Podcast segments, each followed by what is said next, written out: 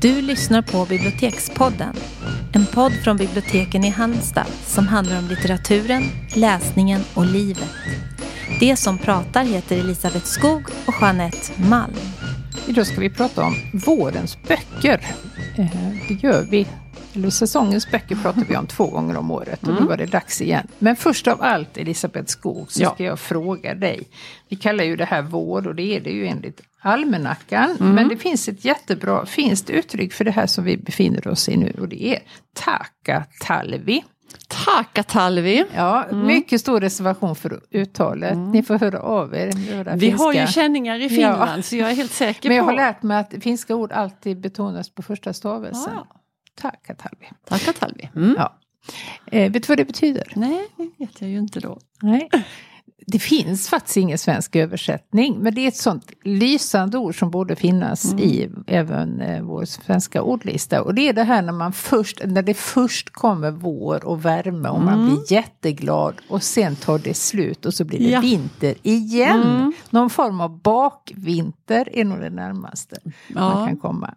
Och nu är det minusgrader varje morgon och jag bär mina planter in och ut, in och ut, in och ut.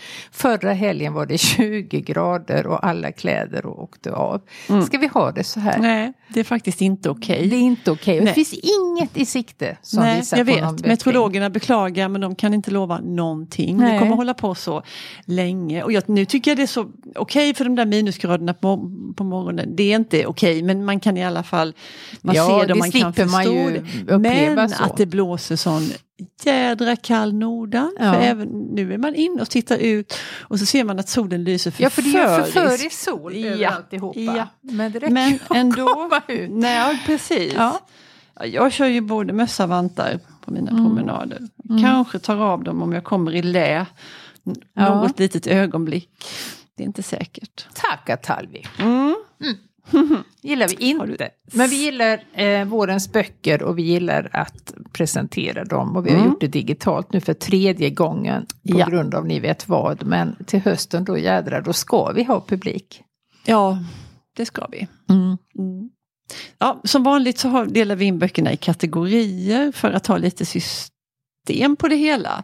Mm. Lite ordning och reda och ibland är de kanske lite krystade de där. Men, Säger du det? men vi, men, ja, inte alltid. Men, vi, men jag tycker ändå det är faktiskt bland det roligaste när vi ska sätta ihop de där kategorierna. Mm. För det är, Och det verkar alltid helt hopplöst för det är så himla olika böcker alltihopa. För vi Mm. Ja. går ju bara på egen, eh, liksom, eh, Ja. vad vi vill och så. Så vi har ju ingen gemensam strategi. nej, Men det slutar vi alltid med att vi har en fem kategorier. Ja, som är någorlunda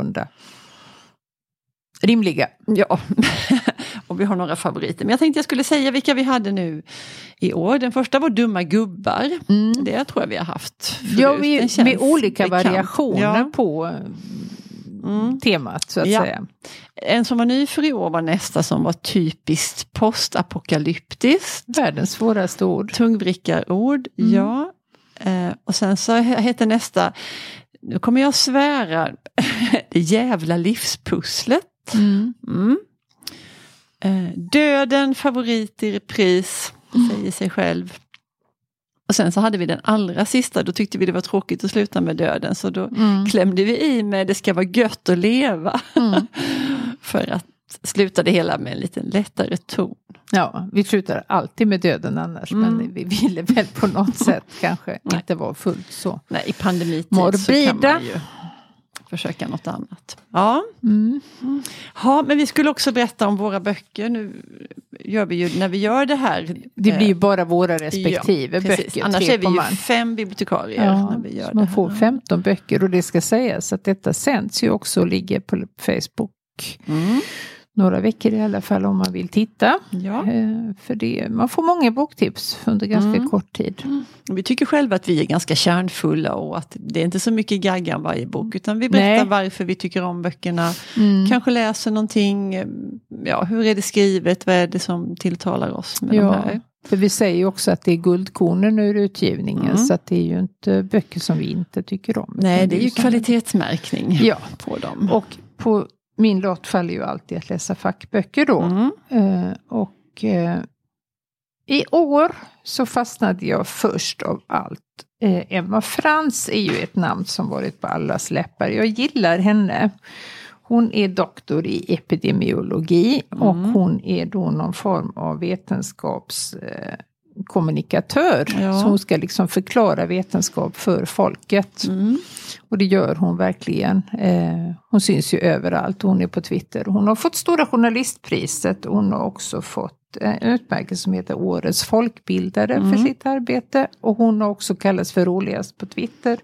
Ja. Jag tänker faktiskt att hon, är, hon fyller Hans Roslings mm. fotspår. För han hade ju samma mission, liksom det här att Precis. förklara saker. Göra dem begripliga. Ja. Och, ja. Men du, är hon lika rolig? Är hon rolig i boken också? För hon är eh, kul på Twitter Ja, tycker jag. alltså det är hon men inte det här är ingen stilistisk triumf ska sägas. Faktiskt inte alls. Nej. Det är en dagbok och det märks ganska tydligt. Um, och det är, inte, det är också mycket liksom, upprepningar men mm. det, det, bidrar också till att fånga hur det här året har varit. Liksom. Mm. Det som jag tyckte var behållningen med det för att det har gått så lång tid och vi har levt med det här så länge. Det är ju faktiskt snart ett och ett halvt år. Mm. Eh, och man glömmer, för det här har blivit normaltillståndet. Men i och med att hon skriver i dagboksform från allra första rapporten om det här i Wuhan, då med det här mystiska mm. viruset. Jag vet att jag hörde det på Aktuellt, men tänkte ja, Mm. Det har man hört förr. Ja, så där, det kändes inte som att det var någonting som berörde Nej. mig direkt. Nej och då får man liksom uppleva alla de här turerna igen och alla Alpen, eh, Alperna heter det, resenärerna, skidresenärerna mm. som kom tillbaka. Eh, som inte fick eh, vara i karantän.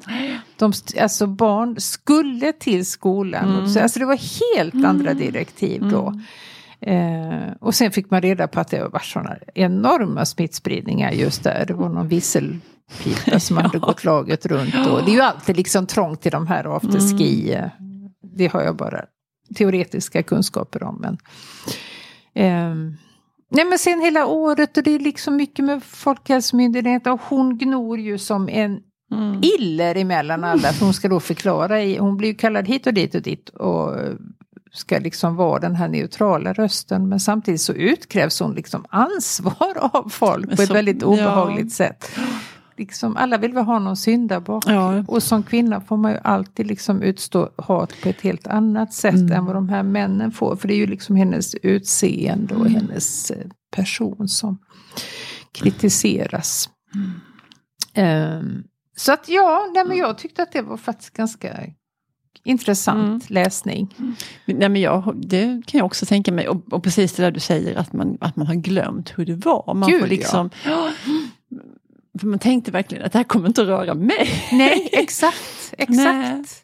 Jag har någon dotter som var ute och reste långt borta. Och, ja, ja, det är inget, hon, det är klart hon ska komma hem. Eller du kan nog stanna kvar ett ja, tag till. Och sen njut kan du av. njut av livet och kom hem du sen. Det här, stannar du några veckor till till det här har blåst över. Man vågar mm. nästan inte säga det. Men, men, men vad skulle vet. vi tänka?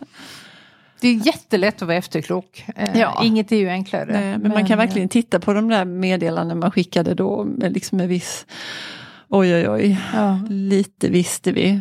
Mm. Ja. ja.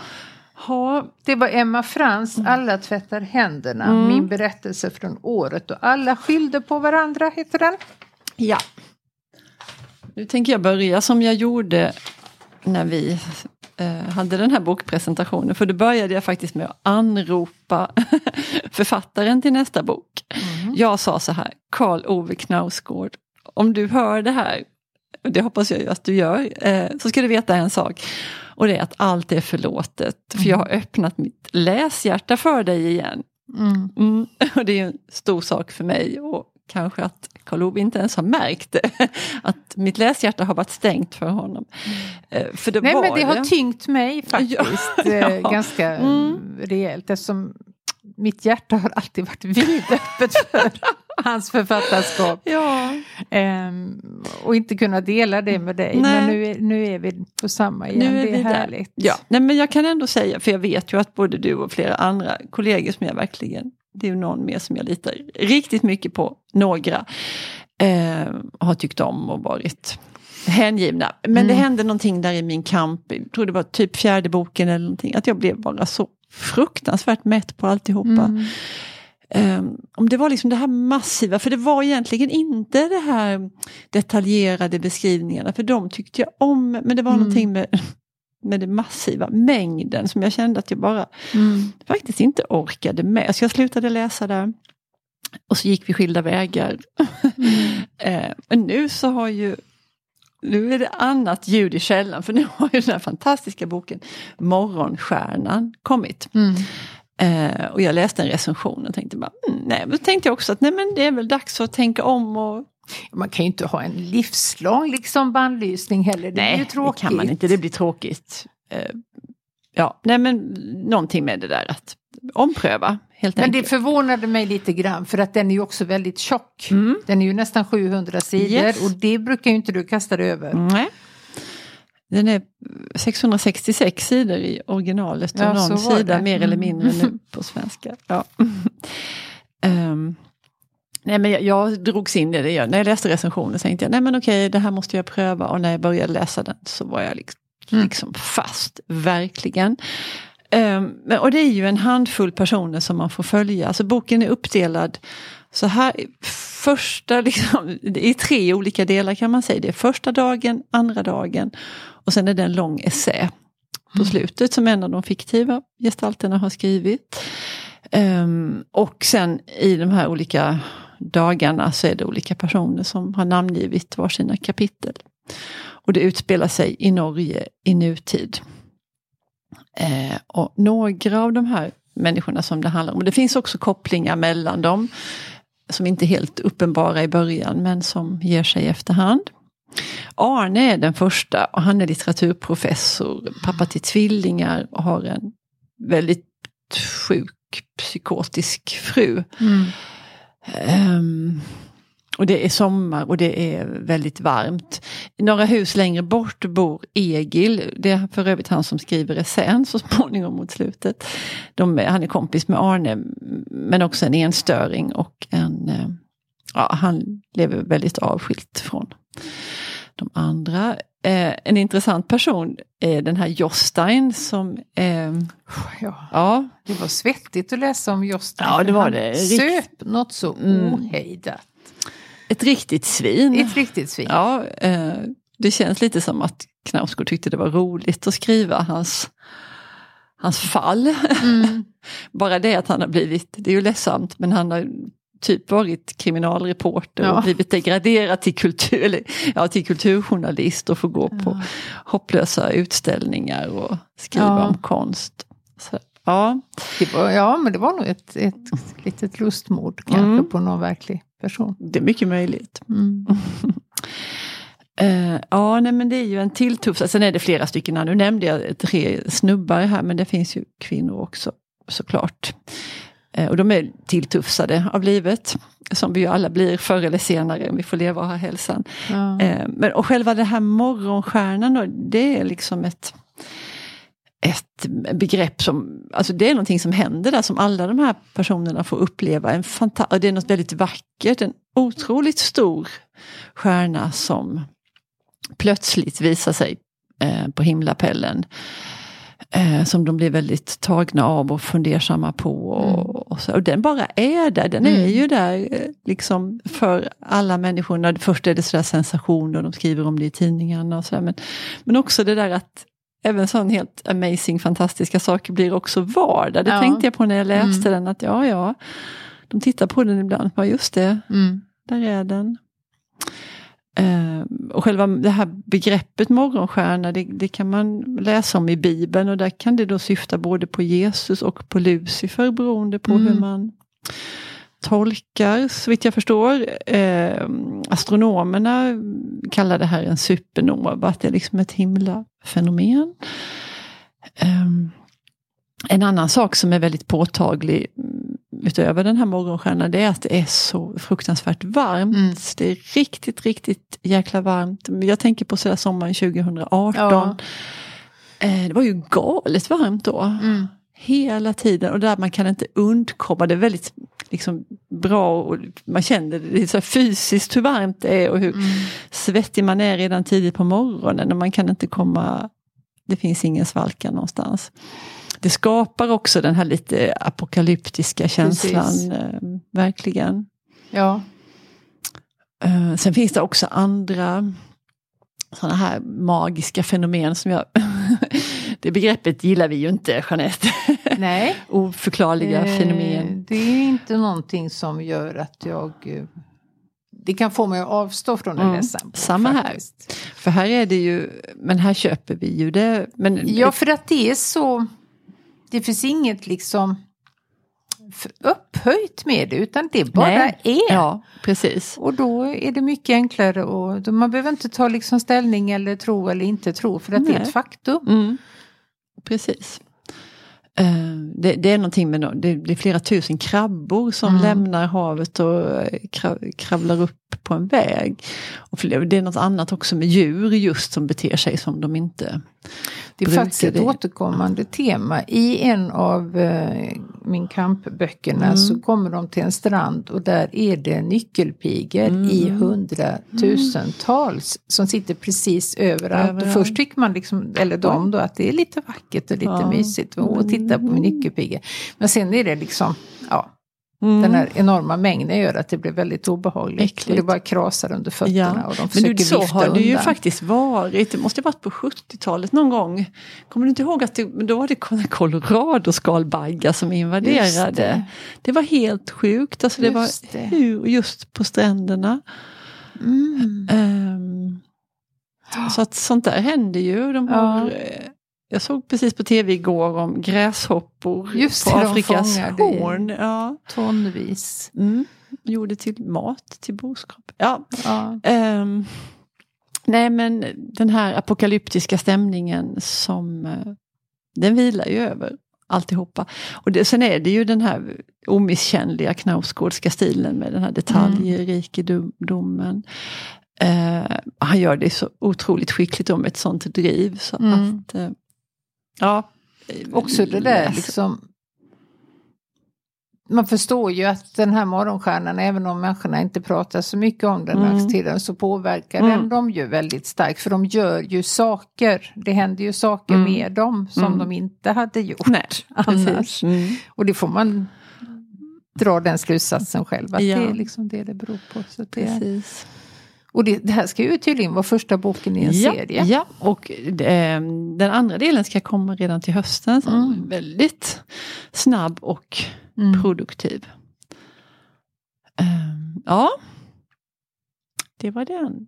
Det var den. Mm. Eh, bok nummer två här i den Malmska eh, falangen Mm. heter då Bjälken i mitt öga om det eviga kriget och glädjen av att slå ihjäl varandra. Mm. Och det är Karsten Jensson, dansken, som har skrivit den. Och Mm. jag sa det under min presentation, att säkraste sättet att veta om en bok är en fackbok eller en roman, det är att är det en fackbok, då har den en undertitel. Och ofta väldigt långa som Mm. den här. Eh, Karsten Jensen är ganska produktiv författare inom olika genrer. Han har skrivit mycket essäer men han har faktiskt också skrivit några romaner. Bland Ja. annat den här Vi de drunknade som kom. Mm. Ja, Den var ju sedan. Den var superpoppis. väldigt bra. Den, ja, läste och jag. många ville läsa den. Ja. Det kom också en fortsättning på den. Det gjorde det men jag Ja. tror inte att den blev lika. Nej, jag tror inte heller det. Ju, Den ja. här essäboken kan man nog kalla det i en serie på fyra, eller debattbok kanske man kan också Mm. kalla det. Och det är Källarmänniskor mot stjärnorna och Huvudstupa. Och boken är verkligen inte tjock. Nej. Den är på kanske, ja, lite drygt 200 sidor men den består faktiskt av 204 kapitel. Och det handlar om krig och vårt förhållande till krig. Och bjälken i det här fallet som han syftar på då, det är ju kriget och hur vår både passiva och aktiva delaktighet i det här kriget. Men vi aldrig egentligen pratar om vad krig är och vad gör det med oss. Och det är ganska intressant för han är, är ju eh, en kulturpersonlighet så han drar ju Mm. jättemycket exempel ifrån litteraturen historiskt tillbaka. Och Men du, det är extremt många kapitel. De, kan ju inte vara så långa. Nej, de det måste ju bara vara flera stycken på varje sida. ibland. Ja, ibland är det så. Ja, ja. Ehm, och det är olika exempel då. Så han böljar ju fram och tillbaka. Det finns ju Mm. liksom ingen... Man läser ju inte den här så som en... Man kan nästan läsa alla de här kapitlen fristående men Mm. alla är olika exempel på kriget och framförallt om det som han kallar för krigets eufori. Mm. Att män framförallt då faktiskt vissa män är, blir beroende av krig och att kriga och de känner sig inte levande om de inte utsätter sig för den här extrema faran och dödandet. Bland annat pratar han om en krigskorrespondent som är så fort han inte befinner sig ute någonstans under eh, väldigt farliga situationer så är han heroinmissbrukare. Enda gången han inte Oj. missbrukar det är när han är i, i kriget. Mm. Så att Det det, får har- samma i kick som heroinet får annars. Mm. Och alla de här veteranerna, jag menar Vietnamveteranerna och Afghanistanveteranerna, det är ju skyhög självmordsfrekvens bland dem när de kommer tillbaka. Mm. Ja, Ja. Eh, Nej, men det är intressant det där och, och sorgligt men att, att det blir liksom en sån beroende, det har man ju hört hos andra Ja. korrespondenter. Att man, Mm. inga, inga jämförelser i övrigt men kom du ihåg att när vi pratade med Herman Lindqvist, ja. det var ju inte det här med, med våldet eller krigen som Nej. han drogs till men, men att vara i var händelsernas, där. att han skulle Mm. vara där. Ja, han beskrev väldigt intressant hur han, han var i Spanien och skulle fira jul med sin familj Mm. tror jag. Mm. Eh, och barnen var små och frun och allting. Och, och då hände det någonting i, eh, i Östeuropa har jag för mig. Ja, det tror jag också Att att han det var. berättade att det började dra ihop sig. Tjeckoslovakien kanske. Mm. Eh, och att alltså det bara skrek i honom att han Mm. var tvungen att sticka dit. Mm. För han blev, det var ju inte så att han blev liksom beordrad att åka dit. Nej. Han, han kanske fick frågan och han hade packat väskan redan innan samtalet var över. Eh, Ja, det Mm. måste vara en speciell personlighet för jag skulle inte kunna tänka mig någonting värre Nej, än att, nej, att vara i heller. de Nej. situationerna. Och bara vara den som dokumenterar, dessutom inte kunna göra någonting Nej. och bara se på lidandet. mm.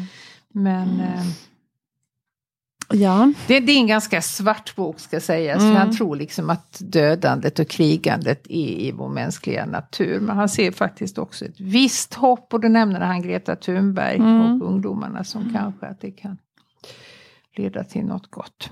Ja. Ja. ja. Nu vet jag inte, vi ska kunna ta ett hopp från Karsten Jensens bok till Tessa Hadleys noveller, men det gör vi i alla Mm. fall. Ehm, hon, alltså, för, nej, men vi har pratat noveller tidigare här i podden. Ja. I, ja. Och jag har aldrig läst så mycket noveller nu som denna vår som jag gör. Jag vet inte, jag tycker, det ger liksom mer smak. Jag vill bara hålla på med noveller Mm. just nu.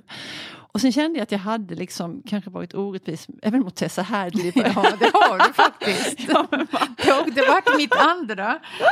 Lilla skoskav, Mm, sten ja. i skon. Sten i skon. Tessa Härlig. Elisabeth tycker inte om Tessa Härlig.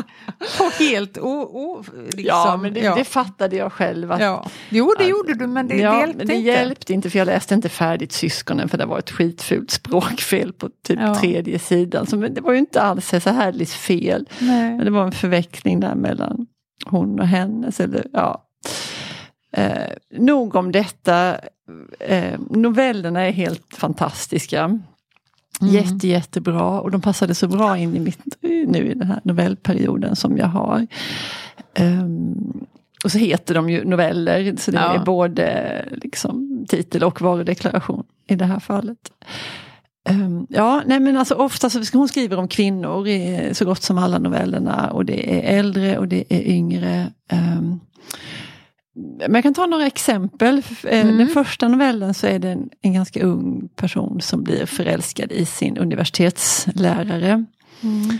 Eh, Hon, och det är väldigt, men det där att hon, hon vill säga smarta saker så att han ska liksom se henne, för de är ju många i den här gruppen. Och eh, Hon vill att han ska uppmärksamma henne och att han ska tycka att hon är smart. Och hon är otroligt nagelfar och hur han ser ut och vilka kläder han har. Mm. Och, eh, sådär. Men hon, hon beskriver också sig själv, eller huvudpersonen Alltså jag, personen i novellen, har också lika skarpt öga på sig själv. Sådär att hon, hon vet att hon inte är smartast. Eh, men ibland kan hon liksom få till jättefyndiga repliker som, mm. som blir, oj, det där var bra sagt. Men de kan också falla helt platt och bara verka liksom konstiga. um, hon, eh, ja, hon tror ju aldrig att hon ska få ihop det med honom för det är liksom så, han är så ouppnåelig och han är så snygg och sådär. Så hon, mm. hon skaffar sig liksom ett surrogat eller ett substitut eh, någon som är lite lik honom. Eh, ja, eh, sen, ja, men, ja, men, och det är liksom inte så mycket vad hände sen och hur gick det och sådär som hur hon, Tessa Hadley beskriver. Men man får aldrig reda på ifall han ser henne eller mm, Det gör han för de gifte sig sen. Oh, ja, är det sant? Det är sant, ja. Nämen, ja. vad otippat. Otippat, jo. Um, så blir det. Och sen är han ganska tråkig. Okay. Eh, så att hon var kanske mest upplivad när hon fick beundra honom på avstånd och fantisera. Ja, ja. Ja, det, är ju det där, uppfyllelsen är ju inte alltid liksom i paritet med, Nej, med längtan. Nej. Mm.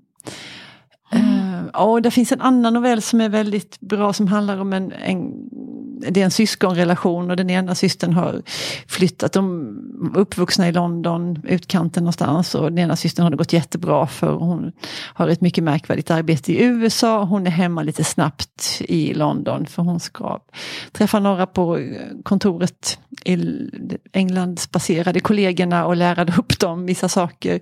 Man förstår liksom i varje meningsval där att det har gått väldigt bra för henne. Och hon, mm. Eh, och hon ska träffa sin syster som det har skurit sig med och systerns dotter och ett litet barnbarn till systern. Alla de här bor inträngda i det som en gång var deras gemensamma föräldrahem. Och man förstår att systrarna har blivit osams på grund av ja, arvstvist helt enkelt. Mm, mm. Um, och hon ska köpa presenter och man fattar hon köper alldeles för fina presenter, alldeles för dyra för hon mm. är van vid liksom mm. Harolds och mm. sidenskafsar och uh, plädar. Alltså, du, du fattar liksom Jag fattar att det blir en krock. Värsta krocken. Ja, och sen världarna. har hon på något vis ändå haft bra kontakt med den här systerdottern. Och, och, eh, ja, nej, men det är, och, det, det, är så... Um... Man kände sig lite sådär lätt orolig. Mm. Eller jag gör det när du berättar ja, bara. Sådär, det liksom finns att... det fog för. Mm. Um, ja, men det, Man vill ju inte att det ska vara dålig stämning. Nej, men det blir det. ja, det. Uh, och jag tycker, alltså det som är allra bäst, men jag skulle kunna berätta om alla novellerna, men jag gör inte det. Men de, um, det är liksom hennes sätt att skriva som är så fantastiskt bra. Och hon litar på sin läsare. Mm. Det är inte för mycket och det är inte heller för lite. Men, och allting är inte utsagt. Eh, så man, man får förstå vissa saker själv och dra egna slutsatser. Och, eller fundera på hur var det där mm. egentligen. Och jag har en jättehärlig läsecirkel där vi pratar om de här Tessa Hadleys noveller. Och det, jag kan tycka att jag har väl ändå det där ganska klart för mig när vi börjar prata. Mm. Och sen så är det någon som har, nej men det där, och det där står ju ingenstans egentligen. Och, ja, massa olika saker som plötsligt... Du pratar om en novell varje gång? En då? novell varje gång, ja. ja. Det är helt perfekt. Det kan jag verkligen anbefalla som läsecirkel. Mm tema. Att man måste inte klippa en roman och träffas en gång i månaden utan man kan Nej. träffas oftare, eller prata i telefon eller vad man nu gör. Ja. Eller man är vaccinerad. Så eh, kan man ju ses. Vi kan ju också nämna då eh, för de som är intresserade av bibliotekssystem, hyllsystem mm. och annat spännande att vi håller ju på att gå över till det här internationella Dewey-systemet, mm. hur man liksom kategoriserar böcker och eh, placerar dem från det gamla hederliga SAB-systemet. Och då har vi faktiskt börjat med att bryta ut novellerna. Så ah, här på Halmstad stadsbibliotek, mm. och detta pågår ju på väldigt många folkbibliotek faktiskt i Sverige. Ja så står novellerna nu på en egen hylla mm. så man behöver inte liksom springa och leta för det är jättesvårt mm. annars att veta vad är det, för det är inte alltid det de heter noveller nej, som nej, Tessa Hadleys gör. Långt därifrån, nej. Eh, så det tycker jag faktiskt är jättebra. Ja, jag tycker den är så snygg den hyllan. Jag älskar ja. att ströva runt där och man får syn på så här, oj har den författaren skrivit noveller? Mm. För det har liksom drunknat det är äldre, alltså det är från alla tider och mm. språkområden höll jag på att säga. Det är ju på svenska men med olika ursprung och så. Mm.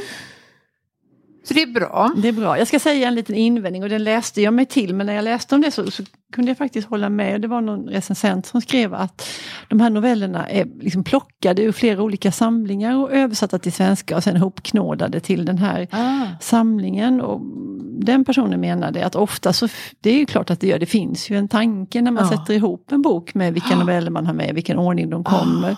Och här är de bara Går Ja. förlorat då. Ja, någonting går säkert Mm. förlorat i detta och med tanke på hur bra de är så kunde man väl tagit en novellsamling i, i sänder och översatt den och Ja. låtit den vara den där helheten. Men detta råder vi inte över, men ehm, Nej. och inte heller det är Tessa Hadleys fel. Sist ut Mm. är då en biografi och den heter Universums minsta ljus. En memoar av Sara Seger. Och Sara Seger är eh, ett övernaturligt intelligent människa. Hon är astrofysiker. Och hennes jobb är, hon är forskare på eh, MIT som är liksom det finaste av det fina sådana universitet i Massachusetts, Mm. USA. Eh, hennes uppgift är att leta efter exoplaneter och det är alltså planeter som befinner sig utanför vårt solsystem. Och de erkände man ju inte ens att de fanns för inte speciellt länge sedan faktiskt. Och nu dräller det av dem som man hittar nya Oj. hela tiden. Mm. Och det, är, det handlar jättemycket om hennes jobb och hon är ju fullkomligt liksom uppslukad och besjälad av det. Och Mm. jag tycker det här med rymden och så det är så ogripbart och Ja. ofattbart och ändå. Men skriver hon begripligt om detta? För Ja, det, det låter gör ju hon. snärjiga saker, det fattar man ju. Eh, hon fattar ju att inte vi fattar Ja, allt det här men det, det gör hon absolut. Mm. Eh, och hon, jag som läsare förstår på ett väldigt tidigt stadium att hon har någon form av eh, autismdiagnos. Eller eh, liksom problematik. Ja. Eh, för det förstår man genom liksom hur hon själv uttrycker sig men även hur andra Mm. pratar om henne eller till henne och sådär. Så hon har väldigt svårt för socialt samspel. Och faktiskt i slutet på boken så får hon då en Asperger-diagnos. Mhm. Och det är ju ett av de främsta kriterierna för Asperger, det är den här förmågan att liksom bli fullkomligt uppslukad av en enda sak. Så Ja. det är ju säkert en stor tillgång i hennes jobb. Mm. Men däremot är det svårt i familjelivet. Hon eh, träffar då en man, Mike, eh, och de eh, får två barn tillsammans. Och de har då en överenskommelse att han förstår liksom hennes storhet och hennes svårigheter Mm. att vara jordnära. Och utan att göra någon liksom, stor sak av det så tar han hand om allt praktiskt. Hemmet och barnen och hon får ägna sig helt och hållet liksom, åt sin forskning. Mm. Ehm, Och, vad Men- händer, och vad händer då? Ja, och det här ska sägas ingen spoiler för det stod faktiskt på baksidestexten där att Mike dör väldigt ung. Eh, han Ja. blir svårt cancersjuk och faktiskt eh, lite felbehandlad också. Oj. Sen vet man inte om han hade klarat det ändå men eh, dör inom ett halvår och Mm. då står hon ensam med en fyraåring och en sexåring och Mm. har inte en susning om hur man gör. Eh, Hon älskar ju sina barn och har ju Mm. liksom tillbringat mycket tid med dem. Det här med praktiska med huset och hur man lagar mat, till och med hur man handlar mat. Hon vet ingenting. Nej, men det är ju mycket sånt. När man har två ganska små barn så är ju livet Ja. mycket bestående Och grejen av är att hon har saker. ingen släkt, hon har brutit eh, Åh. med sin mamma. Hon hade en Mm. väldigt, väldigt besvärlig barndom. Mm. Eh, pappan bor långt borta och de hade en tät och bra relation men han dör alldeles Mm. innan Mike dör. Och eh, systern har hon heller inget eh, kontakt med. Så hon är verkligen helt Mm. ensam. Och samtidigt så blir hon så fruktansvärt medveten att om hon dör så har barnen ingen. Ingen. Eh, och då, så det får helt enkelt inte hända. Nej. Så allt det här handlar boken om. Och det handlar ja. också om att hon råkar då snubbla över en kvinna som leder en grupp av änkor. Mhm. Eh, och de är sju, åtta, tio stycken. Unga allihopa. Alla har Mm. mist sina män på Mm. olika sätt i den lilla, lilla staden. Mm. Så ja, Ja, och den verkar- däremot. Ja. Om vi nu sa att Emma Frans inte var någon stilist så är Sara Seger det Mm. verkligen. Eh, och det är inte sådär att först händer det och sen händer det och sen Nej, gör det. Utan det vävs in och det böljar fram och tillbaka i tiden och liksom Mm. Mellan astrofysiken och barnen och deras... Jag tycker det verkar så intressant. Jätteintressant ja. och jättebra. Och sorgligt men inte sentimentalt nej, alls. Nej, eh, och hon är en väldigt rationell person. Mm. Eh, hon beskriver också sorgen, den här extrema sorgen och olika liksom faserna. Först att mm. nej, men det är ju rätt skönt att han är död för det var ju jättejobbigt när han var sjuk. Och ja, ja. att hon vågar liksom erkänna sådana oh, saker ja. men sen faller hon ju ner liksom mm. i jätte stora svackor av ren och skär sorg också. Mm. Ja. Mm. Ja, nu har du pratat om tre böcker. Mm. Och jag om två. Och den tredje boken som jag hade med på det här, Vårens böcker, det är ju en bok som vi har ägnat ett helt kapitel åt ja. i ja, Bibliotekspodden. Och det är ju den här Obehaget om kvällarna. Mm. Denna fantastiska, underbara bok eh, som är väldigt väldigt välskriven och väldigt sorglig och eh, mm. oumbärlig tycker jag den ja, är i all Jag tycker det här obehaget ska man inte bli avskräckt av utan... Nej. Eh... Nej men det är en sån där liten pärla som inte kommer allt för ofta. Nej, eh, det finns jättemånga bra böcker men så finns det de där fåtalet mm. som liksom är fullkomligt ja. Ja, Ja, men precis, och den en pärla. Och det, ja. Sen är hon ju jätteung så att det kan ju komma fler böcker. Ja, eller så gör det inte det. Eller också gör det inte nej. det. Nej, precis. Det, ja, men då så. Då så. Då stänger vi butiken för ja. idag. Ja. Tack och hej. Hej då.